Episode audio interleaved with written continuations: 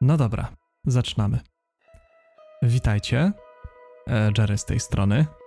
Dawno mnie nie było. Naprawdę dawno mnie nie było. I już sam naprawdę zastanawiałem się właśnie, co z tym zrobić, ale zrozumiałem, że trochę nie da się tego zaplanować, tych podcastów. Albumy wychodzą w swoim tempie, praca nad nimi trwa przerażająco długo i tak naprawdę potrafi to odebrać całą motywację. Obiecywałem przy podcaście APAF, czy tam APAF, nie pamiętam jak ja już to mówiłem, że będzie to podcast z gościem. Gościem jest e, Jakub Werder, czy też Wejder, zależy kto go pod jakim pseudonimem zna. Jest to gitarzysta, który, z którym gram w Haven Ward. Jest on również być może niektórym osobom znany z grupy takiej jak Soundforged. Jakubie, no, Jerry wyczerpał temat tak naprawdę, więc chyba tak, no możemy kończyć dzisiejszy już podcast. Nie no, tutaj się wszystko zgadza. No ja jestem gitarzystą zespołu e, Haven Ward. E, wcześniej współpracowałem z zespołem, który powiedzmy jak na typ muzyki, który wykonywał, można było powiedzieć, że w niektórych kręgach był znany, przynajmniej tutaj lokalnie w Warszawie, bo my tutaj z Warszawy jesteśmy. A zespół, y, o którym właśnie wspomniałem, y, który już 4 lata jest nie, niefunkcjonujący. Tak, 2017 wydaje mi się, to był tam ostatni. Tak. To był zespół Soundforged, o, o którym jeszcze dzisiaj będzie mowa, dlatego teraz może nie będę tego rozwijał. Y, a powód, dla którego chyba tu jesteśmy, to jest taki, że jakiś czas temu wystartowałem z takim solowym projektem o nazwie Jakube albo Jakube, albo J-Cube. J-Cube. J-Cube, tak. To o nazwie też będziemy mówić, bo to ciekawa była e, rozkmina z tym. I to jest w zasadzie to, to jest praktycznie podobne to wszystkie. To ja, ja, generalnie cały czas te same utwory piszę, więc jakby ktoś tutaj y, był zaciekawiony czymś więcej, to może już, może już wyłączyć podcast i iść gdzieś dalej. W każdym razie, no tak, taki solowy materiał zbieram od jakiegoś czasu i Dzisiaj nadszedł ten dzień, yy, znaczy w momencie, kiedy będziecie pewnie tego słuchać, to już ta płyta, nad którą pracuję drugi rok, mniej więcej, jeżeli, no, mniej więcej. To, to jeszcze będziemy mówić o timeline'ach, bo tutaj aż musiałem sobie notatki spisać, żeby, żeby się nie pomylić. No dobra, myślę, że to jest dobry moment, żeby przejść do kolejnego rozdziału, do tak jakby, tak jak ten rozdział był takim zerowym. Tak teraz przejdźmy do pierwszego rozdziału, czyli Opowiedz, Jakubie, jaka była Twoja droga do tego albumu? Nie mówię nawet jeszcze o tym, jak sam album powstawał, nie mówię jeszcze o tym, jak był nagrywany, jak był pisany, ale tak naprawdę, co doprowadziło Cię do miejsca, do tego miejsca, jako też tego pokoju, w którym obaj siedzimy i nagrywamy ten podcast. Znalazłeś się tutaj jako lokalny muzyk, człowiek robiący to hobbystycznie dla siebie, dla jakiegoś swojego spełnienia i jakiejś twojej eksploracji tych muzycznych terytoriów. Nie wiem, czy po, co można po takim wstępie mówić. Powinieneś jeszcze dodać, co zamierzasz robić przez ostatnie 4 lata przed emeryturą jeszcze, nie? Gdzie widzisz siebie stary za 15 lat? Za 15 lat. Moja przygoda z muzyką, samo granie na gitarze, czyli w zasadzie główny instrument, którym się zajmuję i powiedzmy jedyny, którym bym powiedział, że się zajmuję i używam z jakąś tam wiedzą i pewnymi umiejętnościami, to chyba nie jakoś bardzo późno, czy nie jakoś nietypowo, niestandardowo, bo chyba w wieku 14 lat, w wieku 15 miałem pierwszą elektryczną gitarę i już trochę tam wiedziałem co robię, to znaczy wiedziałem co chcę robić, może nie wiedziałem co robię, ale w tym stylu. Natomiast e, ciekawą kwestią jest to, że wcześniej nie interesowałem się muzyką również jako słuchacz. W sensie muzyka jako. Nie, nie, istniało to u mnie jako takie ciekawe zainteresowanie, czy, czy jakby sposób spędzania wolnego czasu. Będąc szczerym, ja i tak ci zazdroszczę jak cholera, że zacząłeś grać na gitarze w wieku 14 lat. Ja jak myślę o tym, że ja tak naprawdę pierwszy instrument serio poważniej chwyciłem w wieku 19. Tak naprawdę im wcześniej zaczynasz grać, tym wszystko zależy jak jak, tam, jak to się tam potoczy po drodze. No, od czego się też zaczyna, można spędzać wiele lat. No tutaj to już to, to jakiś ktoś, kto się na tym zna, musiałby jakoś analizować, y, jak, jak to się. W przypadku gitary, chyba szczególnie w dzisiejszych czasach, to jest takie. Jakby sama mechanika grania to jest coś, co można bardzo szybko załapać, i to jakby cała, cały powiedzmy sukces, może nie to, że sukces y, projektu czy komercyjny, ale sukces rozwijania tego zainteresowania to jest y, to jest już jakby te wszystkie rzeczy pozostałe, jakieś tam technikalia, y, pisanie piosenek. No zresztą będziemy o tym mówić też, ale wracając do tematu, oczywiście. Z... Ja chciałem jeszcze co prawda już zrobić kolejną dygresję no, i może jeszcze zdążę ją zrobić. No to zrób, to zrób. Tak. To, to potem o tym e... wspomnę, że, że zeszliśmy już na kolejną dygresję. Oczywiście, że tak. koniecznie potem przeproś, że przeproś za zbędne przedłużanie. to jest coś, co wiesz. Nie będzie przeprosin, ale tak, e, to do czego ja chciałem nawiązać, jeśli chodzi o dygresję, to jest to, że tak jak wspomniałeś, że faktycznie to nie jest chyba trudne teraz, w teorii to nie jest trudne chwycić za instrument. Mi się tak wydaje, to jest jakby niepoparta niczym opinia. Gdybym miał jako młodsza osoba świadomość, którą posiadam teraz, względem tego, jak e, działa muzyka, jak e, to wszystko funkcjonuje, wydaje mi się, że dużo ciężej byłoby mi nabrać wprawy instru na instrumencie takiej, no tylko znowu to brzmi jak przechwalanie się, ja w sumie jako basista jestem średni, ale wydaje mi się, że gdybym zaczynał e, z pewnym bagażem doświadczeń, który mam teraz, dużo ciężej byłoby mi się nauczyć grać na basie i przejść pewne kroki, które przeszedłem. Teraz tak naprawdę, no, nagrywając muzykę, gadaliśmy o tym wielokrotnie prywatnie. Teraz dużo łatwiej się robi muzykę, jeśli się ją robi dla samego tworzenia.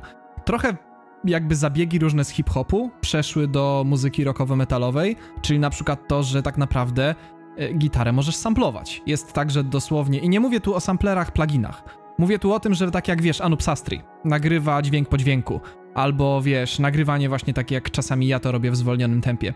Uświadomiło mi to, że tak naprawdę, jeśli chcesz robić muzykę dla robienia muzyki, to poprzeczka nie jest już taka wysoka, nie jest tak ciężko to osiągnąć, Bardziej to jest tak naprawdę wymagane, kiedy chcesz robić muzykę grając w zespole. Wydaje mi się, że jest dużo mniej takiego czegoś, co zachęcałoby do grania. Jest dużo mniej takiego poczucia, o, jeśli będę grał na instrumencie, osiągnę, zdobędę pewne umiejętności, ale potem widzisz, że ludzie, którzy często ich nie mają, potrafią zrobić dokładnie to samo, po prostu e, jakby umiejętnie operując w dawie. Jak sobie pomyślę teraz o wielu właśnie młodszych ludziach, którzy próbują podejść do muzyki i widzą, jak bardzo też poprzeczka jest wysoko postawiona, jeśli chodzi o, nie wiem, nawet granie takich lokalnych koncertów, jak ciężko jest to zorganizować, że trzeba to robić no co najmniej 3-4 miesiące. I jak myślę sobie, ile jest trudności, będąc szczerym, jestem tym bardziej pod wrażeniem, że e, ludzie chwytają za instrument i stwierdzają, że chcą się nauczyć, że jest to dla mnie niesamowite, że uznają, że tak, warto, warto było spędzić ten czas, warto było spędzić te godziny, których tak naprawdę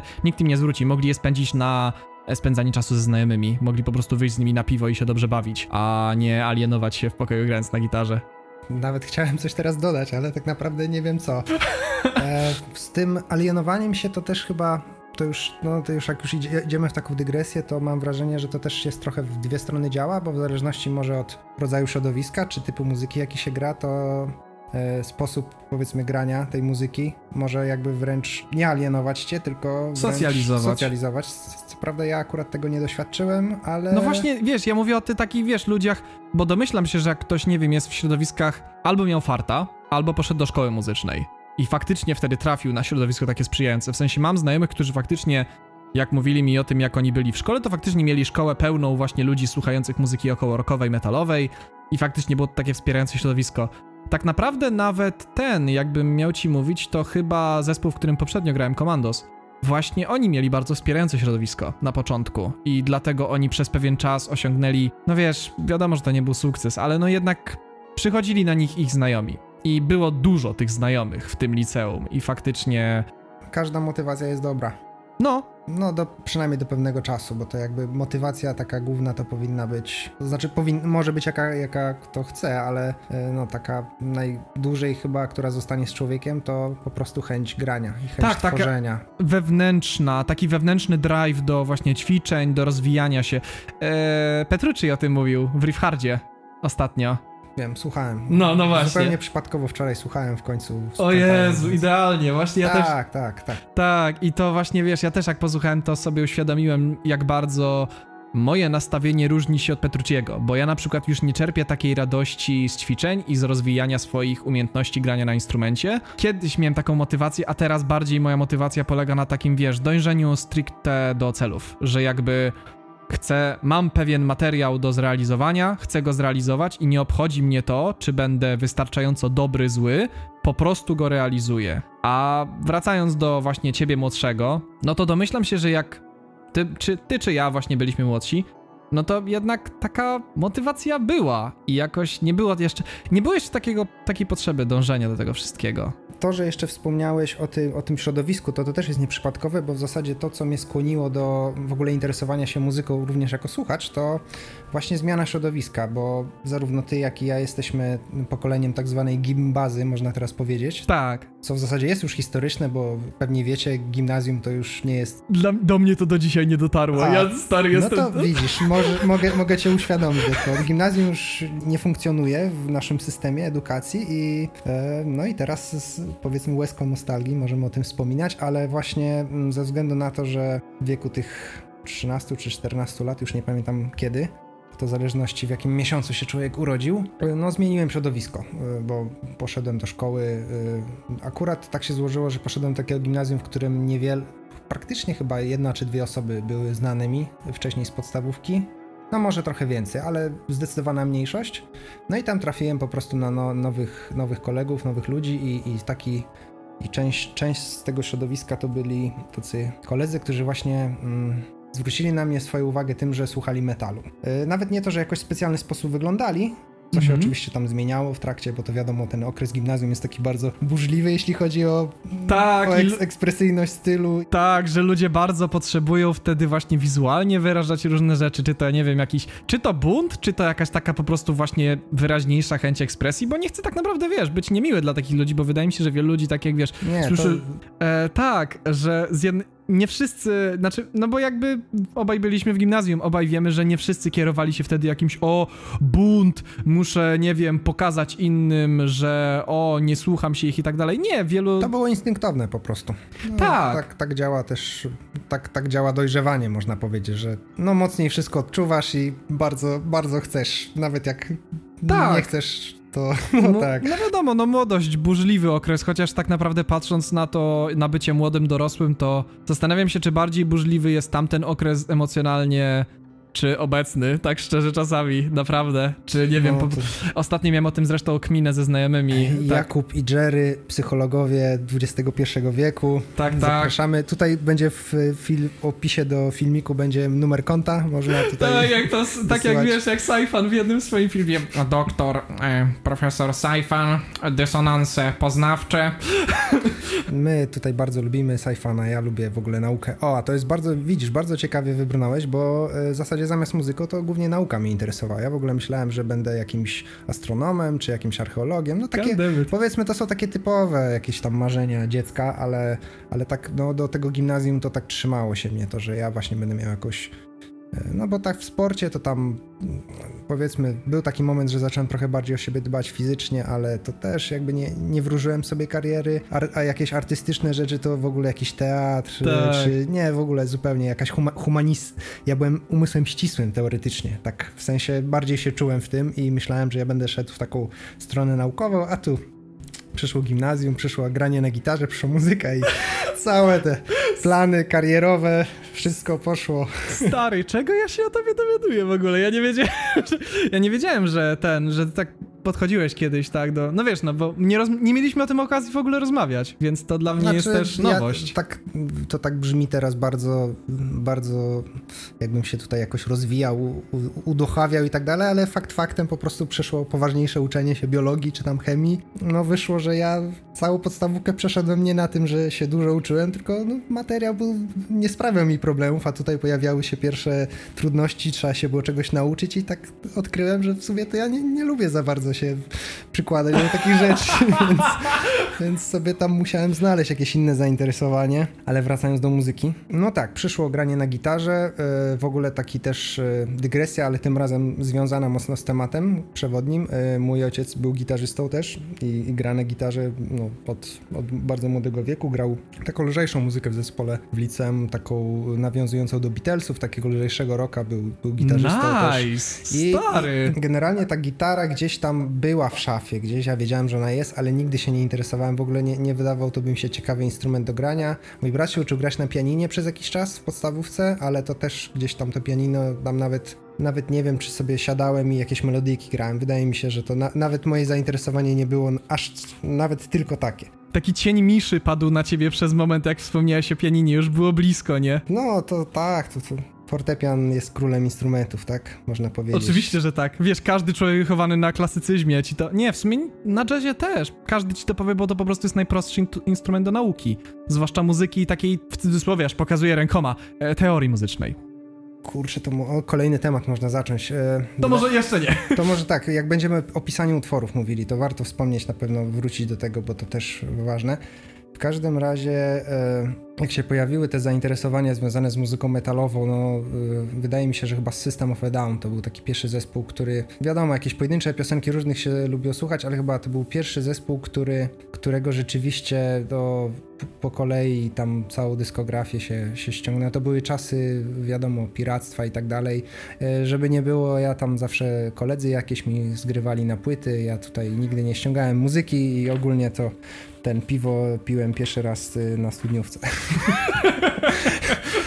Ale tak. W każdym razie mm, o, ty, o, tym zespole mm, tutaj nie chcę wymieniać y, większości tych, y, tych wykonawców, którzy się nam przewinęły, bo to cały podcast by można było na to poświęcić, a nawet go nie zaczęliśmy jeszcze, mimo że mówimy od godziny, więc, więc to, to przemilczymy. Natomiast System of Down o tyle ma jakby znaczenie, że to jest zespół, którego, do którego po wielu latach wróciłem, już, już jako powiedzmy trochę bardziej świadomy i do, dojrzały, nawet można powiedzieć, muzyk już i, i doceniłem go trochę też na nowo. No, gdzieś zostają te tak, takie rzeczy. Może to, i to nawet, może to jakiś sentyment właśnie z tych czasów odkrywania muzyki też jako słuchacz, od takich pierwszych ekscytacji związanych z tego, że się jakiś utwór komuś podoba i tak dalej. No dla mnie to właśnie ja dość późno zacząłem te, tego rodzaju zainteresowania, ale od razu jakby urodziła się we mnie chęć Właśnie chyba gitara to, to, było, to było to, co jakby mnie zainteresowało też w tej muzyce, mimo że, no chociaż można powiedzieć, że metal to jest taka muzyka, która chyba głównie, głównie gitarą i perkusją chyba zwraca uwagę dla, dla takich ludzi, którzy gdzieś tam w to idą. Oczywiście też wokalem trochę, pewnie, ale chyba to jest akurat wokal, to jest coś, co ludzi zazwyczaj odrzuca od muzyki metalowej. No, moi, moi ci znajomi z gimnazjum to bardzo, bardzo szerokiego spektrum tego metalu słuchali właśnie od takich, e, takich lżejszych zespołów, e, takich klasycznych bardziej jak Iron Maiden, to znaczy lżejszych, no, lżejszych powiedzmy jak na standardy, które gdzieś tam się wytworzyły w międzyczasie do, do takiego ekstremalnego e, właśnie black czy death metalu jak Behemoth na przykład, bardzo znany polski zespół, nie trzeba reklamować nawet. Więc ja tak powoli chłonąłem tą muzykę i, i tak mam wrażenie, że wraz z moim zainteresowaniem różnymi, nie chcę powiedzieć, że, że głównie ten metal był, ale chyba, chyba mam wrażenie, że trochę wpadłem w taką pułapkę już dość wcześnie, że trzymałem się tego gatunku, bo tak mi się podobał, że, że tak ciężko mi się było, ciężko mi było wyjść poza to. Mam wrażenie, że to, nie wiem, czy to była też kwestia właśnie środowiska, czy kwestia właśnie wieku. Natomiast były to też początki, dość szybko zacząłem też odkrywać muzykę. To były czasy takiego wczesnego funkcjonowania muzyki w internecie, poza płytami, y, nie wiem czy ty pamiętasz jeszcze Jerry, taki był serwis MySpace. Tam, pamiętam, pamiętam. Tam zespoły właśnie, nawet potem gdzieś tam już w liceum, zespoły znajomych, starszych trochę, to tam właśnie na MySpace się promowały, jakieś tak, pierwsze ich nagrania, takie demo. Tak. To, więc to było. E, YouTube też już funkcjonował, bardzo oczywiście w takiej wczesnej formie, ale to było już takie miejsce, gdzie można było też muzyki, jakoś teledyski czy muzykę znaleźć. E, wiele osób by pewnie powiedziało, że MTV, aczkolwiek MTV to są chyba raczej lata 90. i to, to nie były akurat czasy, w których ja, ja pamiętam, że muzyką. ja poznawałem takie zespoły przez takie miejsca jak For Fun TV. Pamiętam, że moje początki z muzyką to była właśnie Viva i For Fun TV. I tam pamiętam, że na Vivie leciała zawsze jakaś typowa techniawa, a ja kiedyś byłem dresikiem i byłem wielkim fanem techno, nie, ma, nie mam zamiaru tego ukrywać, ale pamiętam, że właśnie na For Fun TV, jak oglądaliśmy te, kawał, te kanały na przemian e, z bratem, to właśnie pojawiały się czasami zespoły typu Linkin Park i takie rzeczy i faktycznie to też trochę mnie wciągało w te miejsca. Mnie osobiście. Coś, coś tam poczułeś, jakieś, było przejście. Tak, mnie osobiście, ja, no bo wiesz, to nie jest podcast o mnie, więc ja tylko mogę powiedzieć skrótem, że mnie w dużej mierze w muzykę rockowo-metalową mój brat wciągnął. E, więc e, fajnie jest dowiedzieć się, że u ciebie raczej to była siatka znajomych i właśnie tak jak mówisz, że właśnie to były czasy raczej MySpace'a.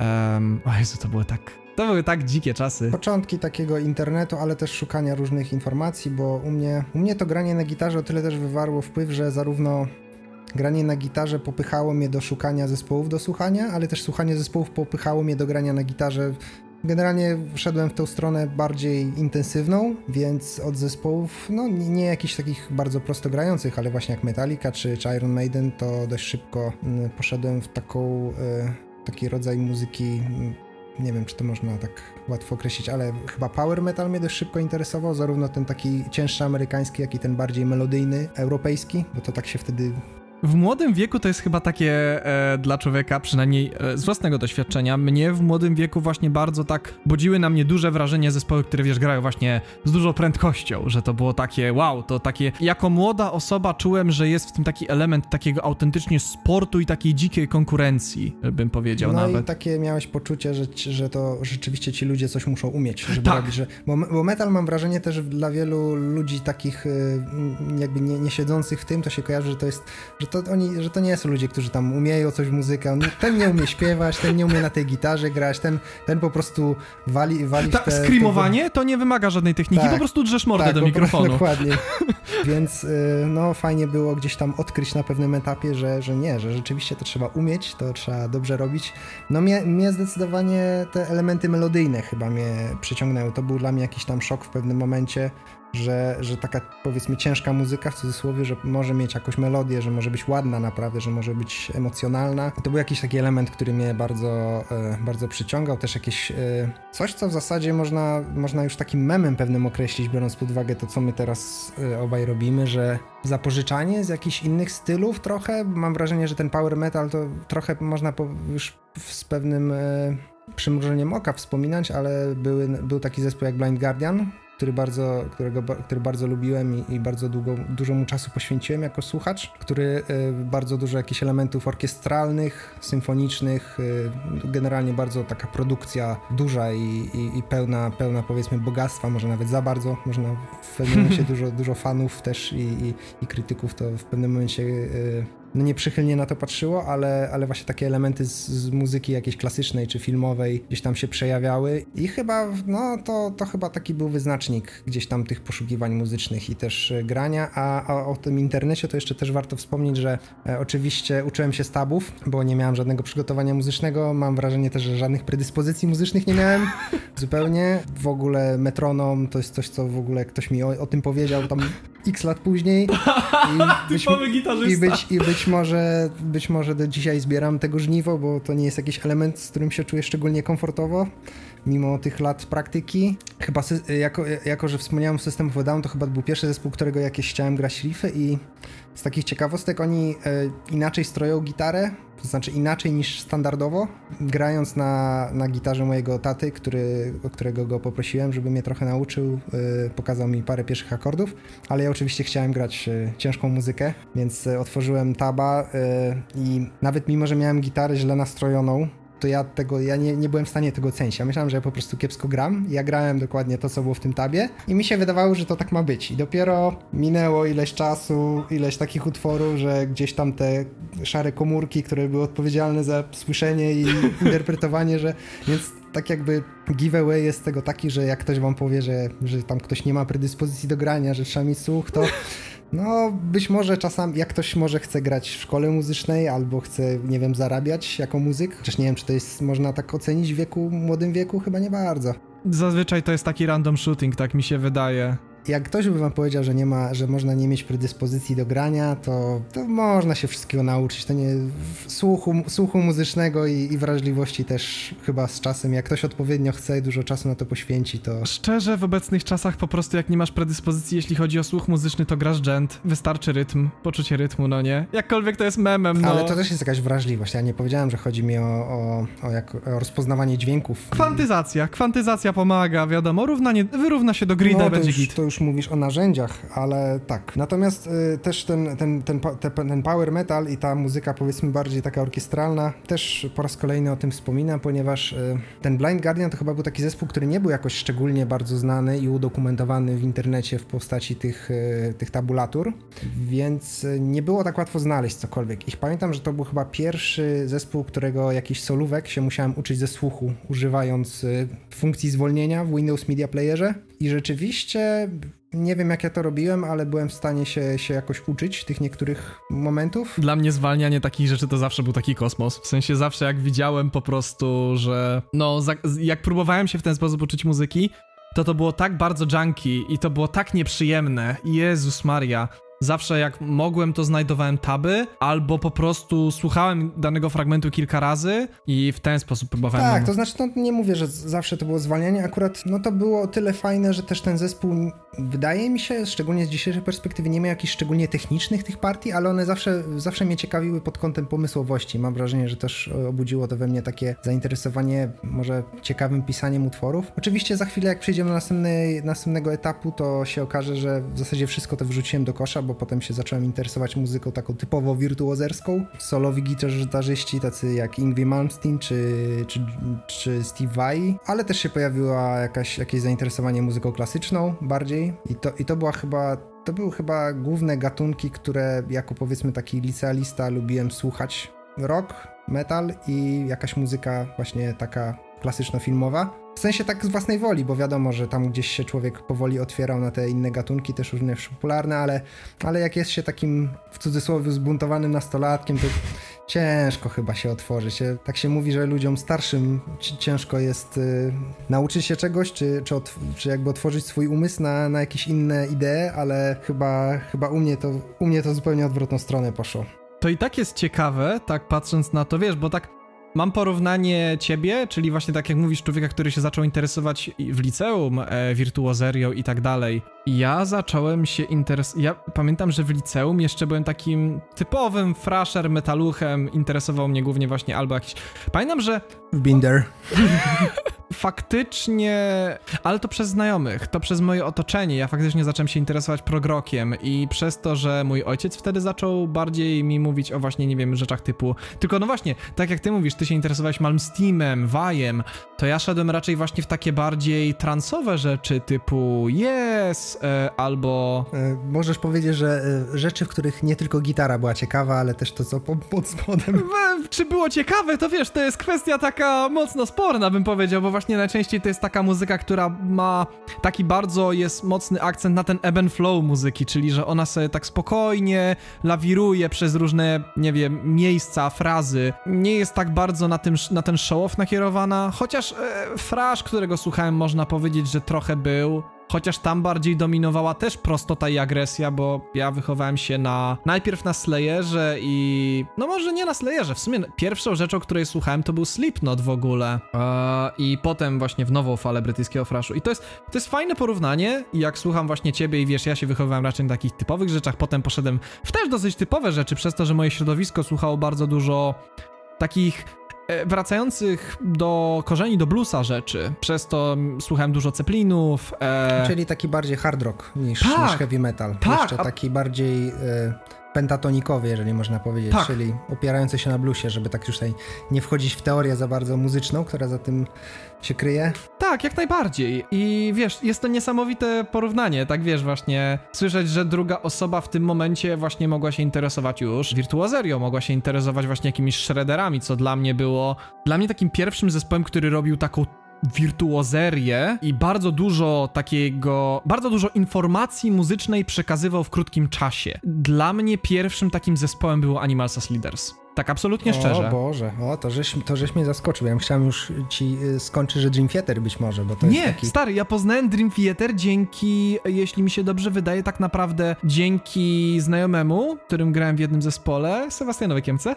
oraz y, dzięki tak naprawdę tobie i Havenward. Tak naprawdę wtedy serio zacząłem się interesować Dream Theater i dzięki wam serio przesłuchałem większość dyskografii, a tak to znałem pojedyncze numery. Nie wiem, czy przepraszać, czy gratulować, bo to jest teraz taki... Teraz jest to zastanawianie kontro, się. Kontrowersyjny temat, ale ponieważ no, nie będziemy tutaj oceniać czyjejś muzyki, e, wiadomo, że każda wymaga mm, dużego zaangażowania i pracy i, i talentu. E, ja ci tak trochę skracałem, bo te, bo te zainteresowania to taką muzyką powiedzmy, no nie chcę powiedzieć ambitniejszą, ale taką no taką, gdzie jest tych informacji muzycznych, jak to ładnie powiedziałeś, więcej niż, niż w takim typowym, powiedzmy, frashu. Chociaż to też bywa różnie, ale tak, też się słuchało oczywiście e, właśnie Metaliki, czy, czy tej reszty tej wielkiej czwórki trash, nawet z jednym z tych kolegów z gimnazjum, to może nie to, że się kłóciłem, ale było takie, była często między nami taka dyskusja, on był z kolei wielkim fanem Slayera. Zespół, który oczywiście um, nawet z perspektywy czasu mocno doceniam, to zawsze im zarzucałem taki pewien chaos, i, i też taką powtarzalność. Też nie znałem jakoś bardzo szczególnie dużo ich materiału, ale to, co powiedzmy gdzieś tam się przebijało w sieci, to, to jednak miałem takie poczucie, że to jest dużo tego samego i to jest chyba coś, co mnie bardzo szybko od muzyki ogólnie też metalowej, takiej klasycznej metalowej bardzo mnie odrzucało i, i chyba takim motywem przewodnim tego takiego rozwoju muzy muzycznego zarówno jako, jako powiedzmy muzykant na, na instrumencie, używam określenia muzykant, bo się jakiś czas temu dowiedziałem, że muzykant to jest taki rzemieślnik bardziej, że niekoniecznie, że pisze muzykę, ale po prostu... Po prostu ją gra, no nie performuje raz na jakiś czas coś takiego, nie? Więc no nie chcę powiedzieć muzyk, bo to świadczyło też pewnie o jakiejś... Yy... Może wprowadzać nieporozumienia pewnie, nie? Tak, ale, ale to tak, to jest taka właśnie takim asteriskiem jest to z taki, bo mówię, taki przypisy trzeba dać na dole potem, co, autor miał na myśli.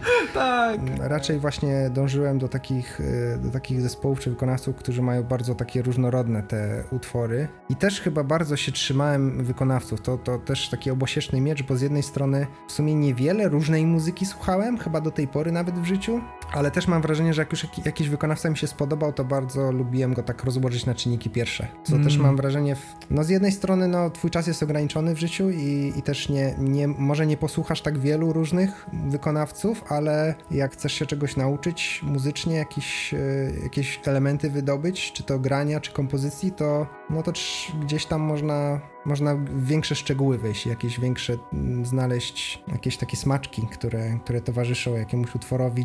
Dzięki temu bardziej wiesz, co lubisz i dlaczego. W każdym razie te wszystkie poszukiwania muzyczne, ja w zasadzie to nazwę chcę tylko chyba raz powiedzieć, bo mam, staram się coraz większy do niej dystans mieć, ale powiemy o tak zwanym progu, czy prog metalu, co nie wiem, które jest bardziej memiczne. To jedna i druga nazwa są przeklęte. Tak, i biorąc pod uwagę, że jest to pewien styl muzyczny, który chyba, którym głównie się zajmowałem przez ostatnie lata, trzeba gdzieś tam w pewnym momencie nabrać do dystansu do pewnych rzeczy, ale to było już w liceum, chyba takim jeszcze w miarę wczesnym, natomiast y, zespół, który mnie w ogóle w tak zwany progresywny metal wprowadził, był, był zespół Opet ze Szwecji, znany zespół. Obecnie grający nieco inaczej niż kiedyś, ale ciekawe jest to, że utwory tego zespołu, które mnie najpierw do niego zachęciły, były bardziej osadzone w takiej lekko def, ale melodic def metalowej. Nie było aż tyle tych elementów takich e, właśnie złożonych orkiestracji, których, których pojawiło się później.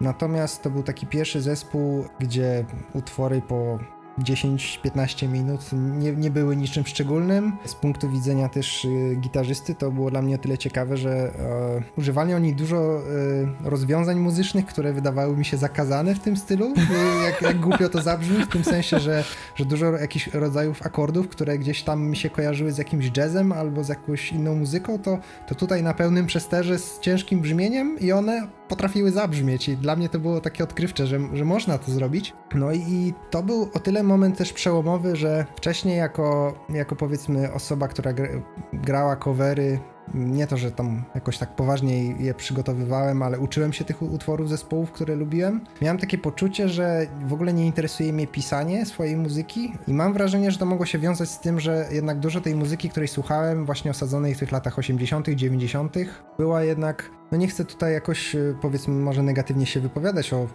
o wykonawcach, którzy przeszli do historii, którzy zapisali się, y, zapisali się na kartach, na, na płytach, mają miliony fanów i oddanych, ale no jednak y, miałem wrażenie, że to jest taki pewien gatunek, który jeśli chodzi o, o, o takie nowe jakieś interpretacje, trochę jest taki wyczerpany, w ogóle nie, nie byłem nawet świadomy, że jest, że jest y, no, taki nowy rodzaj czy nowy ruch w metalu, który robi coś nowego swojego. Myślałem, że raczej ci ludzie czerpią od tych właśnie wzorców z lat 80. i generalnie się ich trzymają i raczej nie próbują robić nic, nic nowego.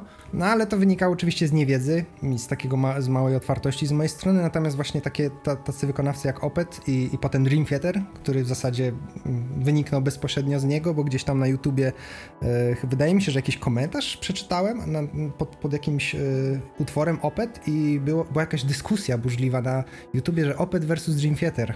Co w sumie teraz wydaje się absurdalne, ale, Tak, to- ale, ale to były takie chyba wśród młodych ludzi tamtych czasów, to 2000, z mojej strony 2008-2009, to było takie taka świadomość, o, to takie zespoły prog metalowe, to, to właśnie, Tak, to tak. właśnie Opet i Dream Theater najbardziej znane, co oczywiście teraz jest trochę zabawne. W sumie w międzyczasie jeszcze metalcore'u na przykład słuchałem.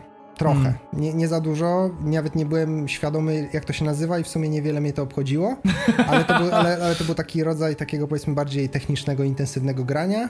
Bullet My For My Valentine się tam pojawiło? Nie, nie, nie, właśnie nie. O To kurde! znaczy, mm, znajomi słuchali niektórzy i gdzieś tam pojedyncze utwory chyba gdzieś tam nawet przerobiłem, ale nie słuchałem bardzo jakoś tak. y, W sumie, w sumie Adrian mi ostatnio pokazał trochę metalcore'u i. A, Trivium na przykład. O! O! No ale to powiedzmy gdzieś tam każdemu się mogę przewidzieć. No ja tak tylko No o tym tak. wspominam, bo, bo tak y, jak zobaczyłem, zobaczyłem w głowie to na, y, datę 2008, to pierwsze co mi się kojarzy to metalcore właśnie. I jak tak mówię, że to jest taka o muzyka, którą się interesowałem i nie wspomnieć o tym, to uznałbym, że to, że to jakieś przewinienie. W każdym razie właśnie te dwa zespoły były takim troszeczkę lampką, że można robić około tym gatunku nowe rzeczy i mogą być ciekawe. Co oczywiście dużo osób robiło, ale po prostu nie byłem tego świadomy i nie byłem, w ogóle nie wpadłem na taki pomysł, że można robić. I, i tu się w zasadzie pojawiły w tym, mniej więcej w tym okresie, kiedy, kiedy gdzieś tam się interesowałem tymi, mu- y, tą muzyką i tymi zespołami tego typu, to pojawiły się w pierwsze w ogóle takie chęci robienia czegoś. To się też zbiegło z takim czasem, że zostałem przez znajomą zaproszony na na próbę znajomych ich gdzieś tam, gdzieś spoza, spoza nawet mojej szkoły. E, Natomiast właśnie poszedłem, no mając powiedzmy te 3 czy 4 lata chyba doświadczenia grania, z jakimiś tam umiejętnościami, ale zerowej wiedzy na temat tego, jak funkcjonuje zespół, jak należy się komunikować z muzykami i jak mieć luz przede wszystkim w tym graniu. Coś, co czego się pewnie uczę do dzisiaj. Natomiast ta próba, mimo że polegała po prostu na rozkręceniu głośnym wzmacniacza i próby przebiciu się przez perkusję na jak największym przesterze, O Jezu, piękne czasy. to mam wrażenie, że to jakoś taka koniunkcja była tych wydarzeń, która sprawiła, że, że tak, że to jest, że, że, że chcę coś takiego w tym stylu robić. Może nie to, że jakoś tak wiązać z tym jakąś taką przyszłość y, zawodową, ale zdecydowanie jakby to, to hobby wkroczyło nagle na, na nowy poziom. W młodym wieku to, bo to jakbyśmy teraz, jakby teraz patrząc na doświadczenia nasze obecne, to stwierdzam, że pewnie teraz to kompletnie odwrotne wrażenie robi, no nie? Teraz raczej człowiek ma takie, o jak gram to na cyfrze, skręcamy się jak najciszej się da, żeby wszystko w miarę było ładnie ten zbalansowane. Oczywiście działa to tak sobie, ale jednak takie Ale wiesz, ja, ja głównie grałem na cyfrze, bo miałem, y, znaczy miałem tam, no to w sprzęcie będziemy jeszcze mówić pewnie, ale lampowe, takie klasyczne wzmacniacze to też było coś, co w zasadzie odświętnie używałem właśnie na takich salach prób i to też było trochę inne doświadczenie. Mam wrażenie, że mogło też mieć wpływ na odbiór tego wszystkiego. Nie wiem, czy taki młody, ja, ja miałem takie poczucie, że dość późno się zacząłem tu, bo to chyba był, była klasa maturalna, czyli w moim wypadku 18 już Mhm. albo nawet i 19.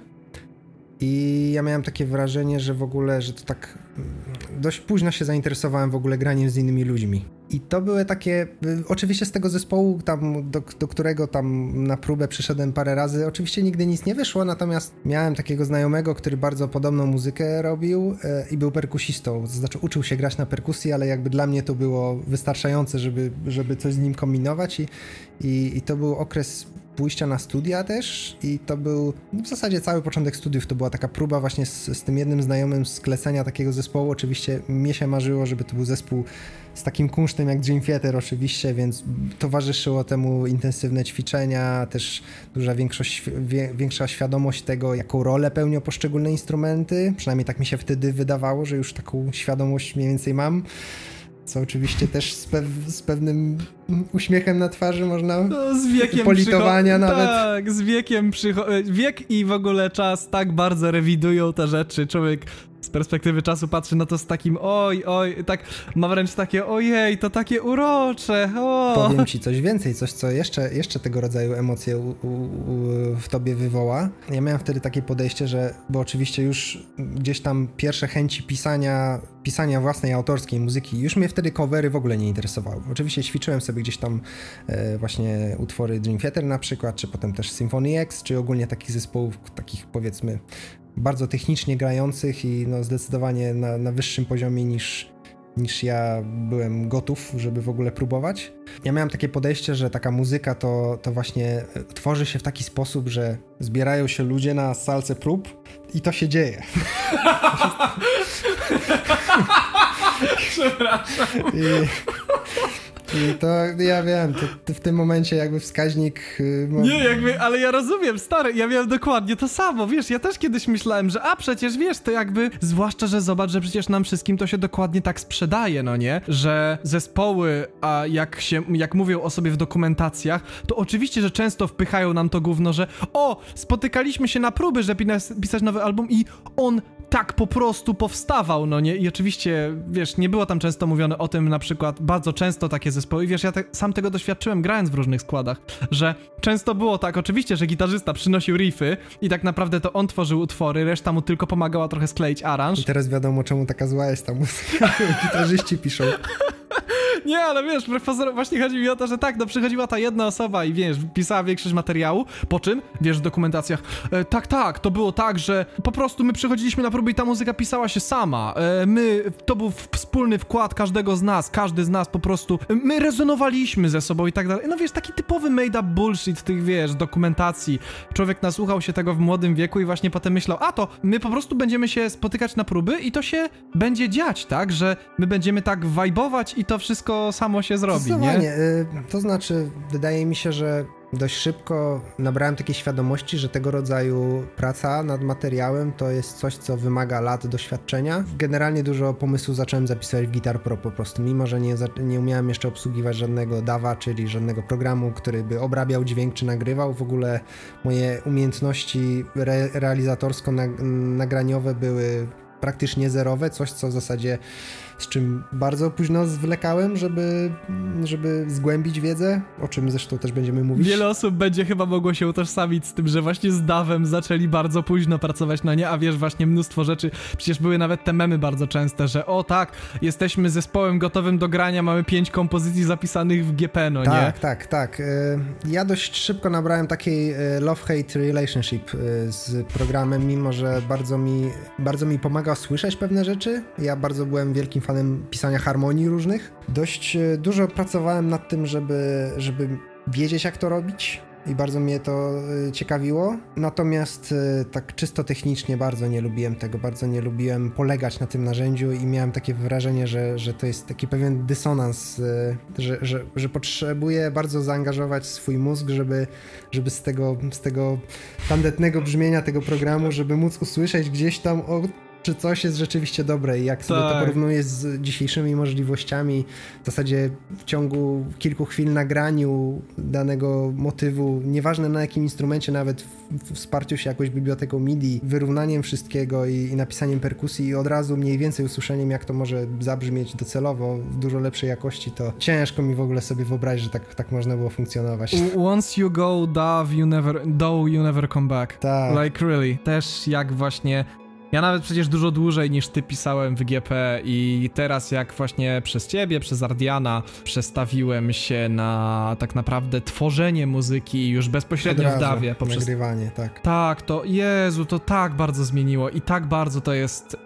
Człowiek nie może potem wrócić do GP. Nie żartuję. Po prostu jest tak, że nawet próbujesz i jest taka autentyczna niechęć, żeby po prostu pisać w tym programie, mimo że to znowu będzie bardzo. To jest akurat ewidentnie dziwny flex, ale akurat ja faktycznie się nauczyłem dobrze w tym programie pisać i bardzo szybko mi to szło. Mogłeś się nauczyć programować na przykład i No, no, no Jezu. języka mogłeś się nauczyć jakiegoś Zmarnowane lata. Zmarnowane lata, naprawdę.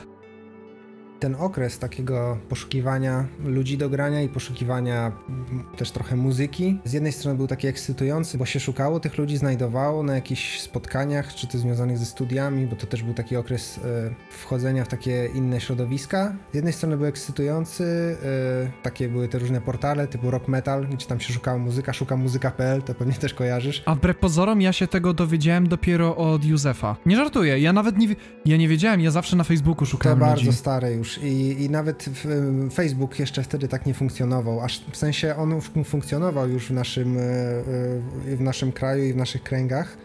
Jako takie narzędzie do komunikacji, ale mam wrażenie, że grupy na Facebooku to jeszcze taki był takie początki. Mhm. E, ale w każdym razie wspominam o tym dlatego, że, że z drugiej strony był jednak taki frustrujący ten okres. Ja miałem takie poczucie, poczucie, że ciężko znaleźć ludzi. To było takie moje pierwsze zdarzenie, już, już pomijam, że sobie wybrałem na dzień dobry taki gatunek muzyki, który już na, już na starcie powiedzmy byłem przegrany.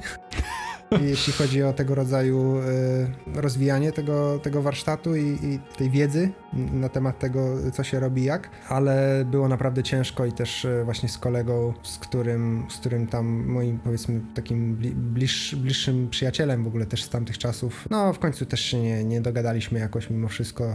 Poznałem w międzyczasie pa, paru, paru ludzi, którzy trochę podobnej muzyki słuchali, i w zasadzie, jak chciałem, można tak powiedzieć e, a propos szukania ludzi, że to jest taki chyba w tym gatunku, że takim motywem przewodnim jest to, że się gra z ludźmi, którzy ak y, akurat są. W tym sensie nie to, że, nie to, że jakoś nie doceniamy tych ludzi, właśnie bardziej ich doceniamy, ale po prostu nie, nie ma za dużego wyboru, no powiedzmy sobie szczerze. I z tym się już zderzyłem bardzo wcześnie, natomiast trafiłem na, na takie środowisko muzyczne związane z y, zespołem takim pierwszym, powiedzmy, poważniejszym zespołem, w którym muzykę współtworzyłem. Generalnie coś się, powiedzmy, tak kolokwialnie mówiąc, kręciło i to była to była ekipa, która ostatecznie mm, zawiązała zespół o nazwie Soundforge. To oczywiście było parę lat później, bo ten zespół też miał bardzo burzliwą historię, yy, na którą nie wiem, czy, czy starczyłoby nam tu czasu, żeby opowiedzieć coś więcej. Natomiast w wyniku współpracy z, z różnymi muzykami, jakimiś e, losowymi próbami, trafiłem do takiej salki prób yy, przy ulicy Nakielskiej,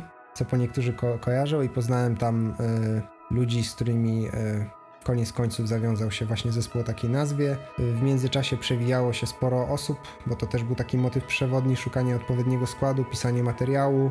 Takie współ, współtworzenie, to, to był taki pierwszy czas, kiedy rzeczywiście trafiłem na ludzi, którzy nie dość, że, że podobną muzykę lubili, to jeszcze miałem takie poczucie, że mają umiejętności miałem takie poczucie, że oni są w stanie zrobić swoją część, ja jestem w stanie zrobić swoją część i jakoś się to jakoś się to sklei do kupy razem i to, i to będzie miało sens. I tak naprawdę jedyne, co było frustrujące w tym takim pierwszym etapie, to było właśnie zawiązanie tego stałego składu, bo, bo samo pisanie utworu było, było super. Yy, niestety, tak jak już o tym wspomnieliśmy, towarzyszył z perspektywy czasu niestety program Guitar Pro, ale tak, to, był, to było taki pierwszy taki moment przełomowy, gdzie rzeczywiście kolejna przeszkoda została pokonana, jakby, no nie, w takim dążeniu do jednak robienia tej muzyki jako coś takiego. Myślę, że to też może wynikać e, z pewnego sformułowania celu, w jakim się to robi. E, robiąc solo projekt, w zasadzie mm, trochę łatwiej chyba zdefiniować ten cel, jakby celem jest robienie tej muzyki.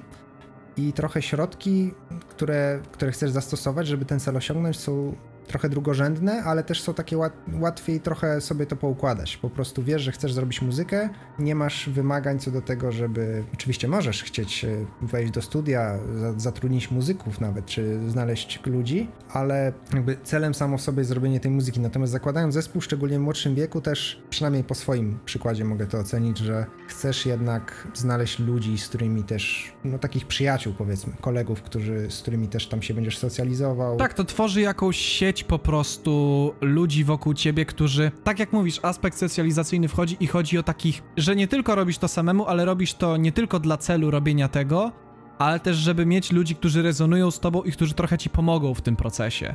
Ja bym tak to teraz odbierał, że jeśli na przykład ja gram w zespole typu właśnie Haven World, to robię to dlatego, że podziwiam materiał, który chłopaki robią, zwłaszcza, no wiadomo, Józek odpowiada za większość. Józek robi większość materiału. Tak, i jakby... O tym będziemy mówić jeszcze, ale... Tak, i podziwiam oczywiście go za to, że on to robi. E, I też podziwiam chłopaków za to, co do tego wnoszą, bo i Kuba, i właśnie Jakub, który ze mną jest tutaj, wnosi, wnoszą naprawdę ogromne rzeczy, tak, ogromny wkład własny w repozorom, którego może na pierwszy rzut oka często nie widać. Nie wiem, nie widać tego, że Jakub przearanżował gitary pod siebie, dodał jakieś ciekawsze rozwiązanie akordowe. jest jedyne, co umiem dodać, żeby tak to już było jasne, to też będziemy mówić pewnie dalej, ale ten cel, y, ja bym tak chyba podsumował, że ten cel wtedy tworzenia tego zespołu y, jest taki szerszy, ale też jest, nie jest tak jasno określony i mam wrażenie, że to też może powodować te trudności, że niektórzy chcą ten zespół założyć, bo chcą robić muzykę, inni chcą e, mieć fajnych ziomków, żeby z nimi pójść na piwo, sobie, nie? Dokładnie. Inni, nie wiem, mają niską samoocenę i po prostu no, chcą jakoś znaleźć jakieś miejsce, gdzie mogą po, jakby poczuć się pewnie ze sobą. Ja nie mówię teraz jakoś tak złośliwie czy, czy prześmiewczo, nie, to, jest, broń... to jest zupełnie To jest niestety, znaczy niestety wspólny, albo... Wspólny mianownik wielu chyba. Tak, wiele osób... E... Ja sam się z tym spotykałem w zespołach, w których grałem, że wiele osób bardzo traktowało. I to nie jest nic złego. Ja rozumiem teraz z perspektywy czasu traktowanie nie tak ma. Tak po prostu jest. Tak, traktowanie zespołu jako niemalże takie kółko terapeutyczne. Trochę. To jest okej. Okay. Po prostu, tak jak powiedziałeś, y, łatwo o nieporozumienia, bo każdy przychodzi często z trochę innym celem i łatwo się rozminąć w tym wszystkim, że tak powiem. W związku z tym sformowanie się tego zespołu było takim sukcesem, e, mimo też powiedzmy burzliwej historii, jeśli chodzi o e, składy. Z takich ciekawostek to na przykład można powiedzieć, że Kuba Bryszewski, który gra w Haven Wardzie z nami i też e, aranżował perkusję do mojej płyty, też się przewinął przez ten skład, nawet powiedziałbym, że dość długi okres. W zasadzie większość tego materiału, który gdzieś tam potem został opublikowany, to, to on też współtworzył. Więc takie się zawiązały relacje, które gdzieś tam tą próbę czasu przetrwały i gdzieś tam się do nich wraca, e, co też jakby trochę coś, co nieco mówi o tym środowisku i o, o tym, tak, z, jakimi, świat... z, z, jakimi trudnościami tutaj y, trzeba się zmagać, żeby, żeby doprowadzić to i owo do końca i też... Y, Dosłownie w tym środowisku e, świat jest tak mały, że bazujesz na tych samych pięciu osobach w wielu kwestiach. Tak, tak. To, to co oczywiście też nic, nic złego, bo też znasz tych ludzi, wiesz, wiesz, z którymi się trzymać, z którymi nie. Tak, jest, i że jest... trzeba się dogadywać. Trochę, w sensie... jak, trochę jak w biznesie można powiedzieć, że to jest jakby, trzymasz się też, ale też trzymasz się z ludźmi, z których lubisz, to chyba też jest zupełnie normalne. Tak, w sensie, wydaje mi się, że mimo, że to jest środowisko, które jest często bardzo ambitne i bardzo przesycone ambicjami i takim niestety często właśnie... Negatywnym tego słowa znaczenia. Tak, tendencjami narcystycznymi i tak dalej. Oczywiście, że tak, ale wydaje mi się, że wbrew pozorom w pewnym wieku człowiek dociera albo po, z pewnymi doświadczeniami i latami bycia w tym wszystkim, człowiek zaczyna rozumieć właśnie, że a, to środowisko jest tak małe, że nie możemy się obrażać, że serio jednak powinniśmy wszyscy w miarę się dogadywać i w miarę współpracować, bo inaczej będzie ciężko. Wszyscy gramy w teamie muzyka. Gorzej, W każdym razie wracając do Soundforge'a, e, czyli tego, tego zespołu, który się zawiązał, e, ja tutaj sobie zapisałem e, w notatkach e, lata, jakie, przez jakie to, to się odbywało, żeby, bo teraz ciężko tak sobie z głowy to przywołać i no te początki e, szukania składu do grania to jest 2011, natomiast wydaje, nie jestem w tej chwili na 100% pewien, ale wydaje mi się, że, że te pierwsze próby z tymi ludźmi, którzy potem, z tymi potem ten zespół się zawiązał, to było albo 2012, albo 2013. Natomiast taki prawdziwy debiut tego zespołu to jest dopiero początek 2015 tak naprawdę. W sensie debiut mówię jako, y, to było też ciekawe i bardzo, y, bardzo fajnie się na to teraz patrzy y, jako pewne kryterium, co jest tak naprawdę działalnością zespołu i kiedy ona się zaczyna. W przypadku Soundforge'a to był pierwszy koncert w Harendzie w styczniu 2015. Mimo, że materiał, no nikt tego chyba też nawet nie, nie ukrywa, szczególnie w tego rodzaju muzyce, że taki materiał powstaje latami. Tutaj się akurat złożyło tak, że po odejściu Kuby z zespołu, e, Kuby Bryszewskiego, o którym wspomnieliśmy, z powodów powiedzmy, nie, nie, chcę tutaj wnikać o co chodziło, ale no generalnie y, z różnych względów nie, nie był w stanie z nami grać i to jakby też rozeszliśmy się w, w, pokoju, nie było żadnego, nie było tam żadnych jakichś nieprzyjemnych sytuacji z tym związanych. Natomiast potem był taki chyba pierwszy od, od jakiegoś dłuższego czasu taki frustrujący okres, bo y, znalezienie jednak perkusisty, y, szczególnie do takiej muzyki, to mam wrażenie, że w ogóle znalezienie perkusisty do grania to jest ciężki ciężki orzeł do zgryzienia w tym, e, w, w, tym środowisku, ale do takiej muzyki też no, poprzeczka jest dość wysoka, bo to szukasz kogoś, kto, kto ten chaos muzyczny sprawi, że on nie będzie już takim chaosem, że jakby będzie to trzymało się razem. Musi go okiełznać, nadać mu ten cały rytm i tak dalej, wiadomo, no. I w międzyczasie, e, jako że, że mniej więcej w połowie 2014 roku zespół przeżywał pewien taki, taki zastój, jeśli chodzi o, o, dalsze funkcjonowanie, bo oczywiście materiał powstawał cały czas, ale, ale właśnie w formie, formie tabulatur w Guitar Pro, z czym, z czym już miałem pewne relacje, które, które nie do końca były pozytywne to mm, znalazłem trochę przypadkowo w internecie taki, taki zespół, w zasadzie człowieka, mm, który, z którym do dzisiaj współpracuję i był to Józef, który był pianistą i generalnie chciał założyć zespół swój jakiś, miał, miał jakiś swój materiał i bardzo mnie to zaciekawiło, bo ja jako miłośnik nie tylko ciężkiej muzyki, ale też muzyki poważnej i, i filmowej, no tutaj opis, opis tego ogłoszenia, bo to było jakieś ogłoszenie związane z muzyką, e, no brzmiał jednoznacznie e, jakie wpływy, co zainspirowało tego człowieka. I, tak. I powstał taki zespół, e, który w zasadzie bardzo szybko znalazł pełen skład, co było dla mnie jakimś pewnym szokiem. Okazało się, że, że gdzieś, gdzieś już tam jakieś osoby były dogadane wcześniej. Ja przyszedłem na próbę i okazało się, że hmm, chyba dosłownie parę dni wcześniej jakieś nagranie pierwszego takiego prostego utworu poszło i, i byłem w takim niesamowitym szoku, że, że ludzie przyszli na to próbę i w zasadzie można było zagrać ten utwór od początku do końca, że każdy się go nauczył. Co oczywiście zdarzało mi się wcześniej i, i też y, z chłopakami z Sandforge'a jakby też w ten sposób funkcjonowaliśmy, że się uczyliśmy tych utworów w domu, ale to, że tutaj zebrała się ekipa zupełnie nieznających się ludzi, to, no, to poczułem coś. Niestety, znaczy stety, niestety zespół koniec końców nie, jakby nie zawiązał się w taki oficjalny sposób. Z takich powodów chyba logistycznych trochę się, się rozpadł ten zespół Juska pierwszy. Natomiast e, to, co z tego zespołu zostało, e, z mojej perspektywy, to był właśnie perkusista Marcin Bojas, którego też, też tutaj znamy w tym, w tym gronie.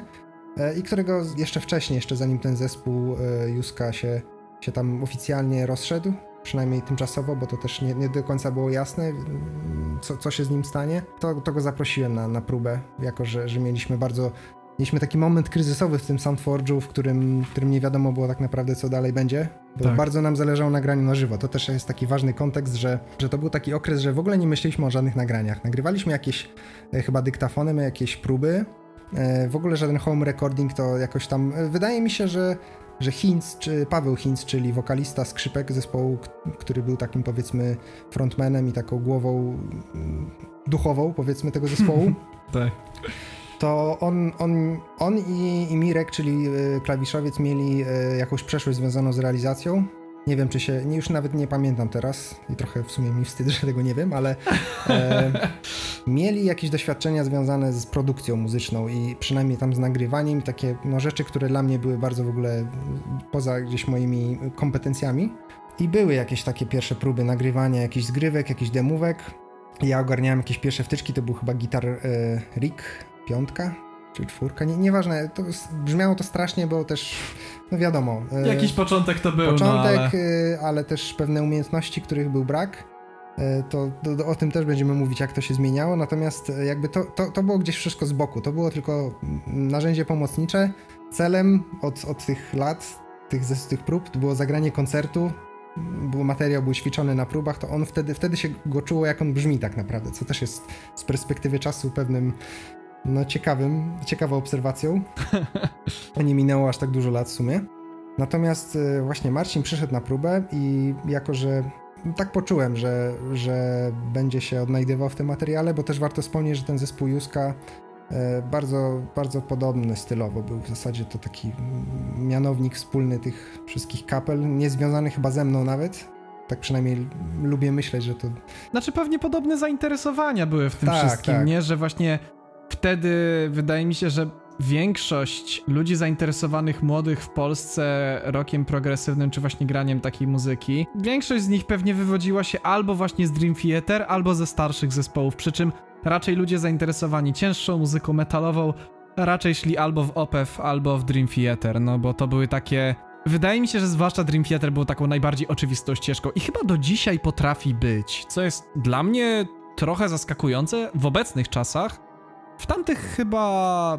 To jest no. taki jeden z, pewnie jeden z niewielu zespołów, powiedzmy, które zaczęły jeszcze w tych czasach tradycyjnych, oldschoolowych, jeżeli tak możemy to dla uproszczenia uznać, yy, które osiągnęły sukces też taki większy niż, niż to, co by wynikało z ich gatunku. Tak, w sensie w momencie, zwłaszcza kiedy już wydawało się, że te gatunki nie bardzo są zdolne osiągnąć cokolwiek, w sensie taki prawdziwy boom na progresywnego rocka tak naprawdę można obserwować, nie wiem, w latach 70., 80., Raczej bar bardziej myślę... Tego klasycznego tak.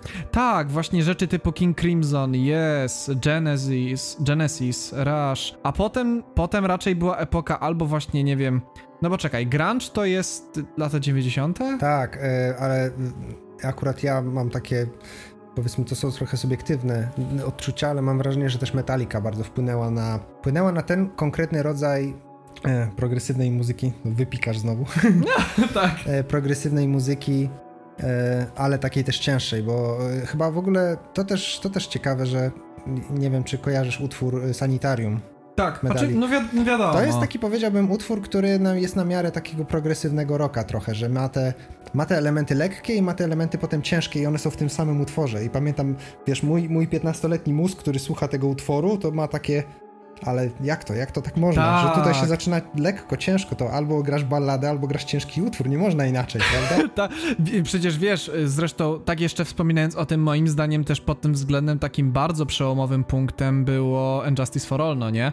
Które okej, okay, możemy się tak, czepiać. Mi... Ale to było już później, ale tak. Tak, tak to... i wiesz, można się czepiać miksu, można się czepiać pro... oczywiście produkcji, ale jeśli chodzi o materiał, no było widać, że oni nagle poszli w takie wow, bardzo, no takie jak na tamten gatunek i jak na tamten czas, to było eksperymentalne, tak szczerze i jakby wiem, że, wiemy, że potem Portnoy właśnie, czy Petrucci też, wspominali Członkowie bardzo... Dream Theater, założyciele. Ciężko tutaj się spierać, czy oni się bardziej inspirowali właśnie tym trash metalem, czy heavy metalem, takim Wydaje mi się, że niż... jednym i drugim, w sensie na pewno, na pewno Petrucci albo właśnie Portnoy, na pewno któryś z nich wspominał, że bardzo jarała go Metallica i chyba Portnoy właśnie mówił, że on bardzo chciał tworzyć coś, co miałoby ten miałby ten taki cios metalu. Było, był, tak, byłoby cięższe niż, e, niż e, niż powiedzmy Genesis, ale bardziej progresywne niż tak, Metallica. Tak, on chciał stworzyć coś takie coś, co by tworzyło muzykę jak Rush, tylko że ciężej. Pamiętam, że on wspominał bardzo tak. otwarcie, że właśnie jego główne inspiracje tak, to tutaj to. taka mała dygresja a propos właśnie wpływów muzycznych, że, że gdzieś chyba, y, chyba generalnie dążyłem do, też jako słuchacz, ale też jako, jako powiedzmy już amatorski twórca muzyki do czegoś, co by, co by spełniało dużo potrzeb. Często jakby nawet w ramach jednego utworu, że nawet były takie właśnie zespoły, że to, że to była rzecz, którą oni robili. Oni robili utwory, które miały wszystko, no co powiedzmy z perspektywy czasu wydaje się bardzo takie męczące dla słuchacza i powiedzmy potrzeba było następnych 10 lat, żeby zrozumieć, że to może być fajne, może niekoniecznie cały czas. Tak, że to... Że musi być jakaś równowaga. E, w każdym razie wracając do tematu, wracając do tematu, Marcin dołączył yy, i chyba to jakoś, jakoś się zbiegło z tym, że, że się poczuliśmy, że to jest ten moment, żeby wyjść na scenę. I 2015 rok to jest właśnie okres funkcjonowania już zespołu Soundforge. No i to był taki rzeczywiście rok przełomowy yy, w tych wszystkich poszukiwaniach muzycznych. Pierwsze koncerty, w zasadzie tak, to był, to był w zasadzie mój pierwszy koncert w wieku 20 kilku lat. E, wydaje mi się, że grałem wcześniej jakiś koncert zastępczy dla jakiegoś innego zespołu, takiego bardziej, e, nie pamiętam dokładnie co to było. Chyba zespołu Mirka drugiego. Nie wiem, czy to już się nazywało White Highway. Nieważne, to, to jakby też tak, taka dygresja, ale tak, to był, to był taki pierwszy koncert rzeczywiście, powiedzmy, z perkusją, taki cięższy. E, natomiast pierwszy koncert materiału, który się tam współtworzyło gdzieś, czy pisało nawet w dużej mierze samemu, to, to był właśnie ten, ten, te, te koncerty w 2015 co tu dużo mówić, no, było świetnie.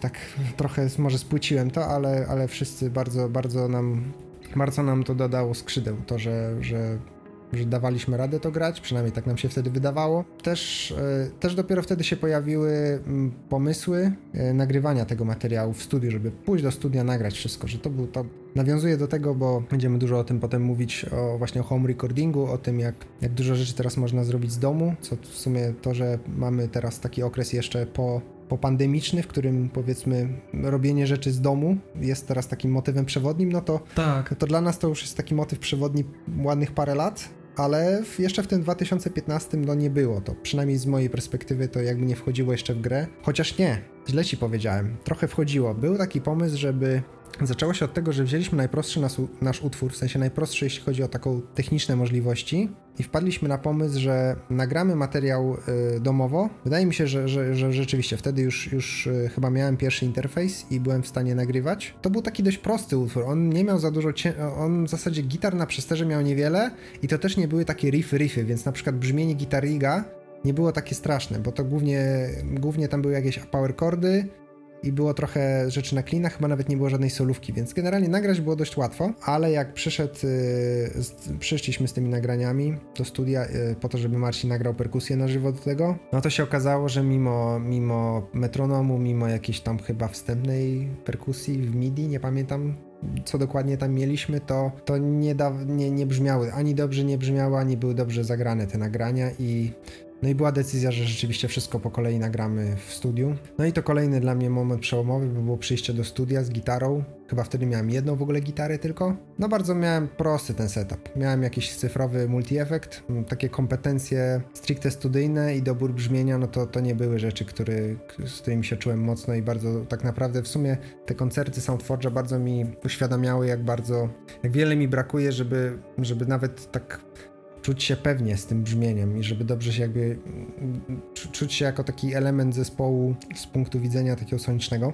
Te pierwsze nagrania to był taki rzeczywiście taka lekcja pokory można powiedzieć. To było w ogóle studio, studio HZ, studio w Zielonce pod Warszawą, prowadzone przez Mariusza i Roberta z którymi gdzieś tam jakiś, z Mariuszem nie bardzo, ale z Robertem ciągle się mamy kontakt, o czym Jerry wspomniał o swoim materiale, też materiał Havenward jest realizowany przez Roberta, więc to dalszy rozdział z cyklu opowieści o tym, jak to powiedzmy ten światek muzyczny tak, jest mały, czy to, czy to w, w, wśród muzyków, czy realizatorów. Natomiast to była lekcja pokory, jeśli chodzi o, o to, jak bardzo ważne jest bardzo dobre nagranie partii, żeby w ogóle utwór miał szansę zabrzmieć dobrze. I oczywiście to pierwsza, ta pierwsza sesja nagraniowa y, tych pierwszych utworów Soundforge to była, jedna, to była tylko jedna z pierwszych. Y, te sesje się ciągnęły w zasadzie przez cały jeszcze 2016 rok i dalej. Cyklicznie się spotykaliśmy, żeby kolejny utwór po prostu nagrać. Y, zawsze to trwało długo.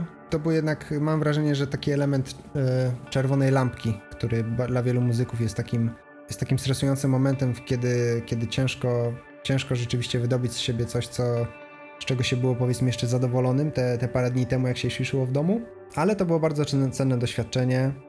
E, też doświadczenie w, w pracowaniu z realizatorem, jako mm, powiedzmy przesyłanie miksu, wysyłanie uwag, to było dużo, dużo też w tym zamieszania. I generalnie proces był bardzo powolny tego wszystkiego, ale koniec końców e, wydaje mi się, że chyba w połowie 2016 roku mm, wydaliśmy epkę Oczywiście plan był, wydaje mi się, że plan był taki, żeby w ogóle nagrać tego materiału jeszcze więcej, bo my, bo my mieliśmy dość sporo tego materiału do tego czasu, ale... Ta epka i tak chyba tak naprawdę była długości takiego pełnoprawnego albumu, nie? Nie, miała, znaczy w sumie nie wiem, chyba miała z pół godziny. Bo mówisz o Arise, prawda? A, no tak, bo Storm wydaliście oddzielnie. Tak, tak, tak. To o Jezu. Ale to był już trochę inny etap funkcjonowania tego zespołu. W sumie tak. możemy do tego przejść. No to był... Y, takim dużym podsumowaniu to był taki okres dużego rozwoju muzycznego. Nie powiedziałbym, że jakoś może dużo koncertów, ale trochę się ich zagrało może nie, nie jeden w miesiącu, ale mniej więcej te, te, pierwsze dwa lata funkcjonowania to mniej więcej taka, taka częstotliwość było tego. To naprawdę często, tak swoją drogą, w sensie ja nawet mając kapelę, która dosyć dobrze funkcjonowała koncertowo, nie grałem tak dużo. Tak, bo, bo był taki moment, że, że rzeczywiście jak zaczęliśmy pracować nad tymi nagraniami, to, to też się chcieliśmy na tym trochę skupić, że gdzieś tam był taki moment, kiedy, kiedy przekierowaliśmy uwagę do tego i, i już na przykład y, ta końcówka 2016 to był taki moment, moment, kiedy trochę zac zaczęliśmy y, komponować kolejne, kolejny materiał, który się miał na następnym wydawnictwie znaleźć i tutaj trochę już eksperymentowaliśmy z, z innym trybem pracy, właśnie bardziej bazowaniu na nagraniach. Wydaje mi się, że też pojawiły się jakieś chyba wtyczki, które przynajmniej mnie trochę bardziej zadowalały. Ja już tak czułem, że, że przynajmniej jeśli chodzi o dema, to już można nagrać, na, zamiast bazować na, na tym Guitar Pro, z którym już miałem bardzo, bardzo ciężką relację, to można, można bardziej właśnie bazować na, na, na jakichś demówkach, nagraniach. No co to dużo mówić. Pojawił się, pojawiła się inna enigma, inne, inne zakazane słowo. Pojawiło się zainteresowanie nowocześniejszą muzyką, cięższą, niższą, co dla mnie na przykład było bardzo świeżające, bo to chyba był taki okres, kiedy, kiedy trochę moja taka fascynacja może nie to, że się skończyła fascynacja, ale też odkleiłem się trochę od, od Dream Theater jako takiego powiedzmy wyznacznika dobrej kompozycji, brzmienia, czegokolwiek, tak naprawdę grania na gitarze nawet powiedzmy i, i gdzieś tam w, pod wpływem e, pod wpływem znajomych i pod wpływem internetu, który już był bardzo takim prężnym medium do promocji tego rodzaju treści, odkryłem te, te właśnie nowsze rzeczy. Wydaje mi się, że Heiken to był chyba ten pierwszy zespół, który w sumie dość mało znany zespół, to było dość ciekawe, że tak, że, wtedy że, oni że nie byli nawet, znani. Że nawet dzisiaj oni nie są jakimś takim, no są znani powiedzmy w pewnym kręgu, ale... Nie są jakimś takim światowym fenomenem, nie? Nie mówi się o nich dużo w różnych wywiadach sprzętowych czy czymś takim, wbrew pozorom. Być może też nie nam to oceniać, ale tak z naszej perspektywy, jak my obserwujemy, nawet w Tak. rozmowach z ludźmi, czy, czy gdzieś tam w, internecie, no, oczywiście też w naszym polskim e, świadku, który też powiedzmy, jeśli chodzi o, o upodobania muzyczne, jest bardzo specyficzny. To zespół w zasadzie, w zasadzie jakoś przypadkowo gdzieś, e, gdzieś ktoś mi pokazał na YouTubie jako taki i to było dla mnie taki szok rzeczywiście, że o, że jest, jest że da się, da się jeszcze, tak, jeszcze coś z tym dalej zrobić, jeszcze gdzieś to dalej popchnąć. Taki kolejny moment przełomowy i też oczywiście, jak chciałem oczywiście te wpływy od razu prowadzić do Soundforge'a, co wydaje mi się w miarę działało, bo ja generalnie byłem osobą, która chyba no i może nie mnie to też oceniać, nie jestem w stanie ocenić tego obiektywnie, ale mam wrażenie, że tak, jeśli chodzi o taką strukturę utworów, dość dużo, duży wkład miałem w pisanie tych y, utworów.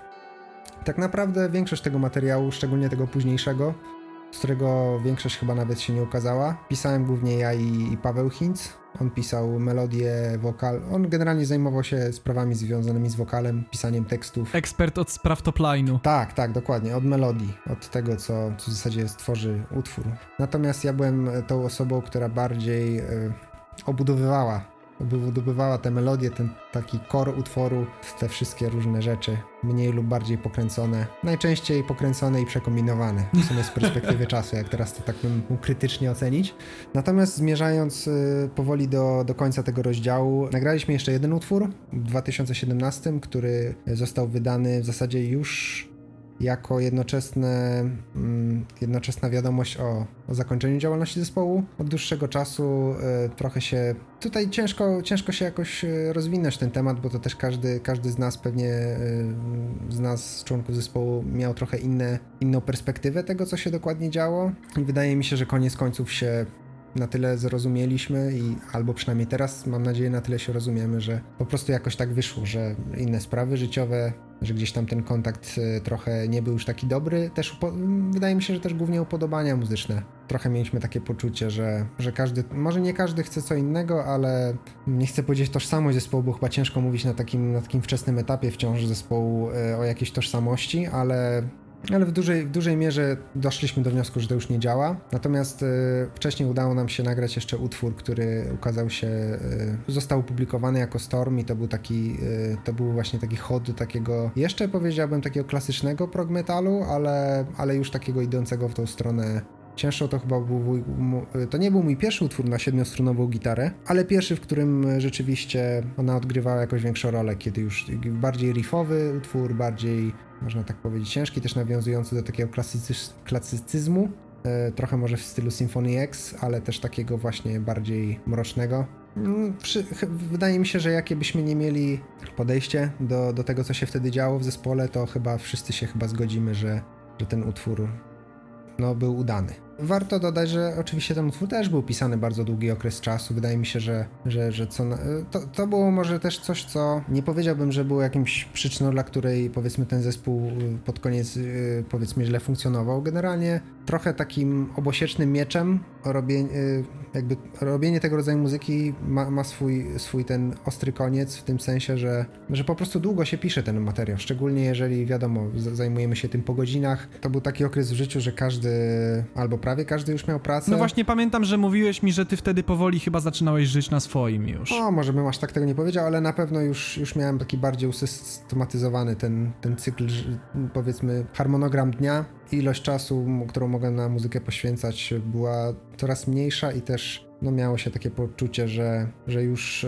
no, że już nie, ciężko tak się tym zajmować, szczególnie jeżeli, jeżeli są jakieś bariery, czy to w komunikacji, czy, czy w ogóle w planach związanych z zespołem, oczekiwaniach, że to już trochę nie można sobie, że trochę już nie można sobie pozwolić na, na po prostu takie, takie luźne podejście do tego. Szczególnie przy takim, powiedzmy, ambitnym materiale, że to nie jest coś, co można tak sobie po prostu z dnia na dzień yy, nagrać albo wymyśleć. Ale koniec końców, szczególnie teraz po tych latach, bardzo, bardzo rozwojowo wspominam ten okres. Mogę rzucić swoim komentarzem na ten temat, bo właśnie chciałem przez cały czas zachowałem to i chciałem właśnie rzucić swój komentarz, że ja, jeśli chodzi o Soundforged, miałem, że tak powiem, wrażenia takie, że ja poznałem ten zespół poprzez znajomego grając w zespole grającym dużo prostszą muzykę, bo taki typowy heavy metal w komandosie. I to było takie moje pierwsze spotkanie się z tym. Ja wtedy trochę dopiero zaczynałem zapoznawać się z muzyką progresywną, z rockiem progresywnym bardziej, właśnie z Rushem, Genesis. Coś ty narobił. Co ja narobiłem? E, ale kiedy, że tak powiem, pamiętam, wszedłem, to dla mnie było to takie olśnienie, bo właśnie miałem wtedy, powiedzmy, że bardzo średnie zdanie o polskiej muzyce. I Soundforged było dla mnie, pamiętam, takim w Polsce ktoś potrafi grać proga. I to było dla mnie takie, no wiesz, dla nas, ty teraz możesz się z tego śmiać, oczywiście. Jakby my wszyscy wspominamy jako nasze młode... Zaraz śmiać. Trochę dziwić, ale też e, wiadomo, miało się inną perspektywę. Tak, i... Siedząc tam w środku, w tym, w ty, na tym okręcie, masz inną perspektywę niż e, Oczywiście. słuchacz. Bardzo miło mi tego słuchać, co mówisz. E, warto też, o, o czym z ważnych rzeczy, o których nie wspomniałem.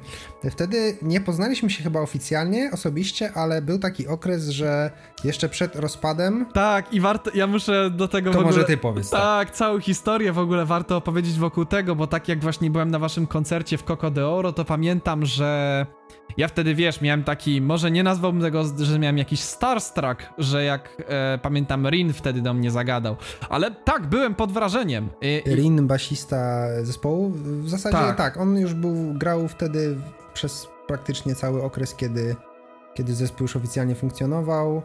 E, też grał później dłuższy czas w Haven Wardzie, a o, o, czym, o czym też powiemy później, ale e, tak, to, to jest też taka znana postać, która tak. Zresztą wspomnieliśmy o nim w międzyczasie.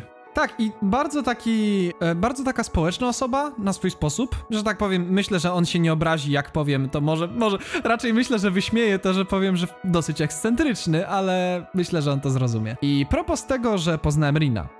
W pewnym momencie Rin musiał odejść z Soundforce, było wtedy właśnie szukanie kogoś na jego miejsce.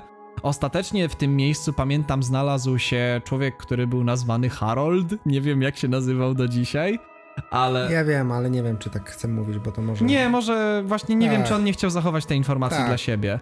Tak, o tym też zapomniałem wspomnieć. Rzeczywiście, e, zanim. E, to jeszcze było przed publikacją Storma i w ogóle tą ostatnią sesją nagraniową, rzeczywiście basista się zmienił. I, ta, i zespół jeszcze przez e, chyba około roku funkcjonował w tym, w tym odświeżonym składzie. Rzeczywiście, zanim Harold dołączył do zespołu, to, to chyba Adrian, właśnie, z którym, który też grał w innym zespole na tej samej salce prób, z którym się już y, znałem trochę. On polecił mi ciebie, napisałem do ciebie, więc y, nie, nie kojarzyłem cię z widzenia.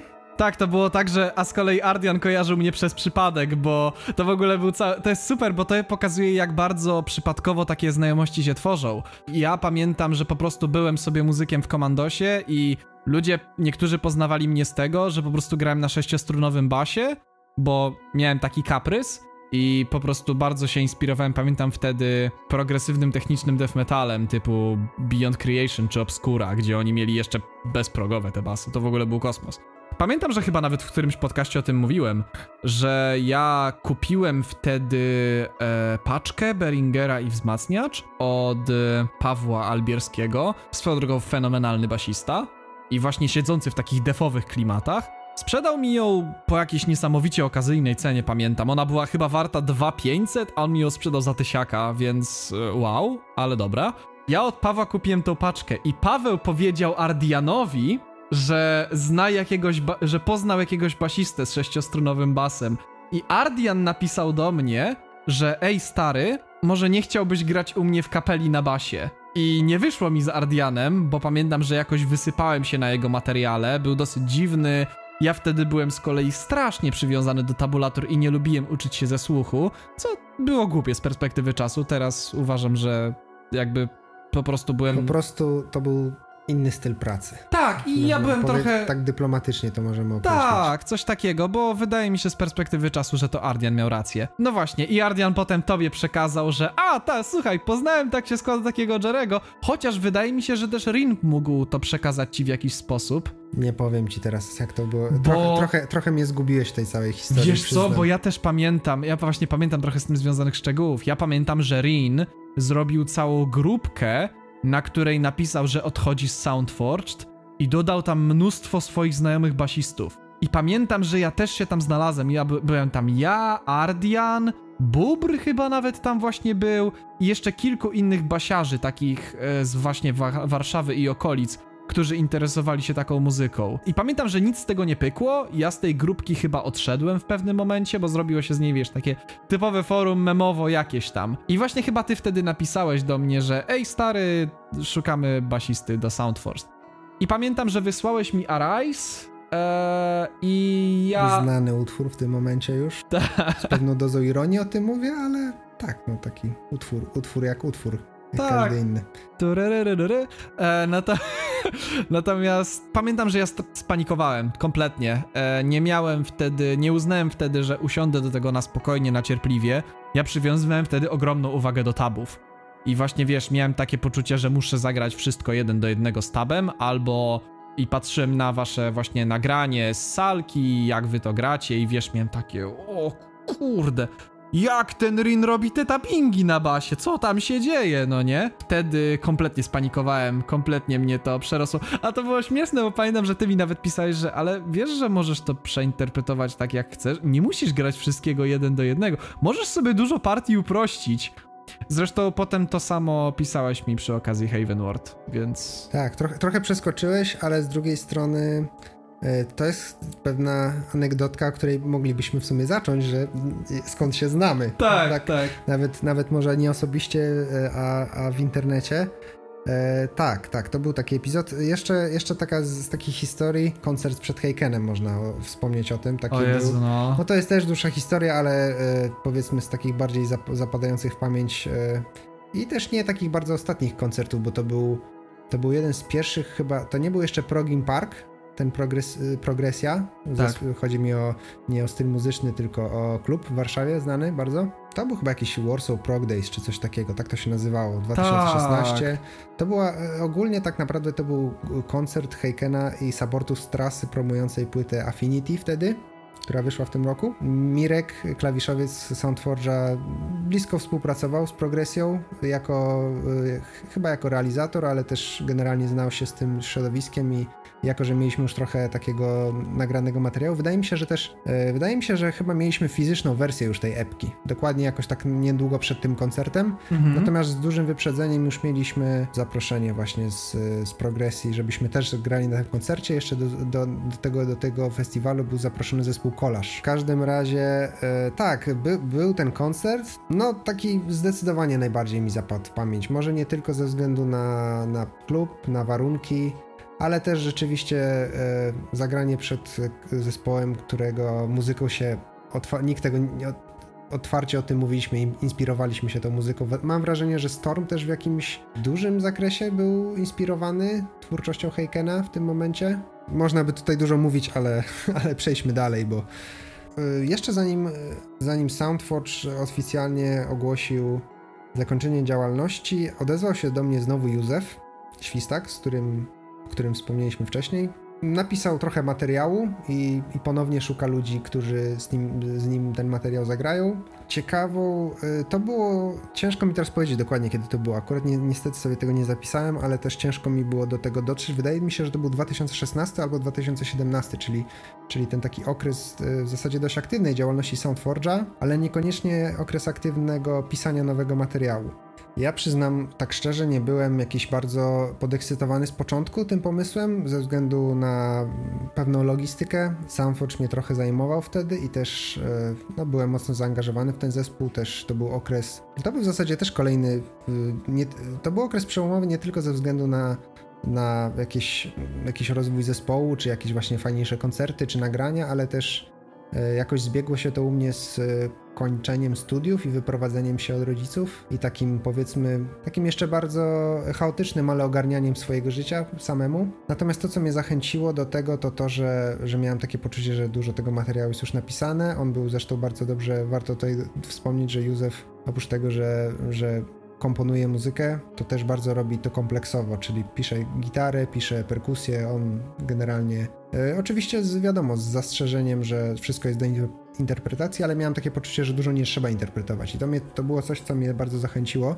do tego, żeby, żeby przynajmniej jakby pozytywnie odpowiedzieć i, i, i dać taki sygnał, że tak, że jestem chętny, że szukaj dalej, jakby niech się ten skład formuje, E, ja też byłem wtedy, to był taki moment, że byłem bardzo, byłem, miałem już takie poczucie, że co nieco wiem o nagrywaniu, przynajmniej jeśli chodzi o taką formalną stronę tego, w sensie jak należy instrument przygotować, jak należy przygotować, e, jaki trzeba mieć sprzęt, jak należy obsługiwać dawa. Mam wrażenie, że już, już miałem jakieś takie podstawowe umiejętności tego.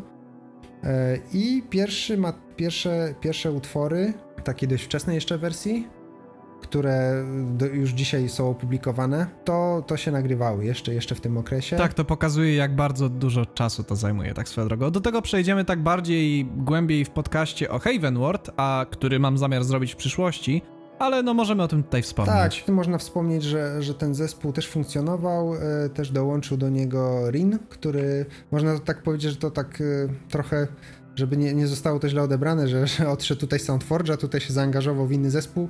E, to był zespół, który bardzo długi okres funkcjonował tak bardzo mm, home, home, recordingowo, tak, tak punktu widzenia postpandemicznego dość zabawnie to brzmi, ale tak, to było, my, my, my funkcjonowaliśmy w domu zanim jeszcze to było modne, tak. można powiedzieć. bo on był w takiej, wiesz, można powiedzieć ładnie, fazie przygotowawczej, że tak, tak powiem. E, wydaje mi się, ja nie wiem, czy, czy jeszcze w 2017 była jakaś próba, wydaje mi się, że jakieś próby były, ale to była taka jedna próba na pół roku.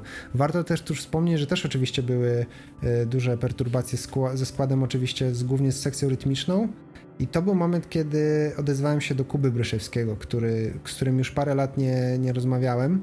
Może nie to, że nie rozmawiałem, ale no nie mieliśmy takich muzycznych y, kontaktów i też mi zależało, żeby to była jakaś osoba trochę jakby z zewnątrz, powiedzmy, no, to, to dziwnie to brzmi w kontekście tego, że Kuba też y, był związany z taką, y, taką wcześniejszą wersją y, zespołu Soundforged, Natomiast. E, Jednak nie był z tych kręgów już w tym momencie, tak, no nie? w tym momencie już nie był i też jakby miałem takie poczucie, może nie to, że miałem poczucie, że coś się źle, dzie, źle dzieje w Soundwatch, ale też miałem takie, takie podejście, że też jakby to nie trochę moja sprawa, że chcę jakby jakoś osobę zaproponować z zewnątrz, która gdzieś tam będzie obok tego, e, w sensie, żeby, żeby, żeby pewne jakieś, e, pewna atmosfera z jednej kapeli nie, nie wpływała na drugą. Mam wrażenie, że to jest też dość istotne. Może nie to, że że, że coś tam się źle dzieje, ale z perspektywy czasu wydaje mi się, że w ogóle prowadzenie dwóch y, równoległych składów, y, szczególnie w podobnej muzyce, to jest pewien.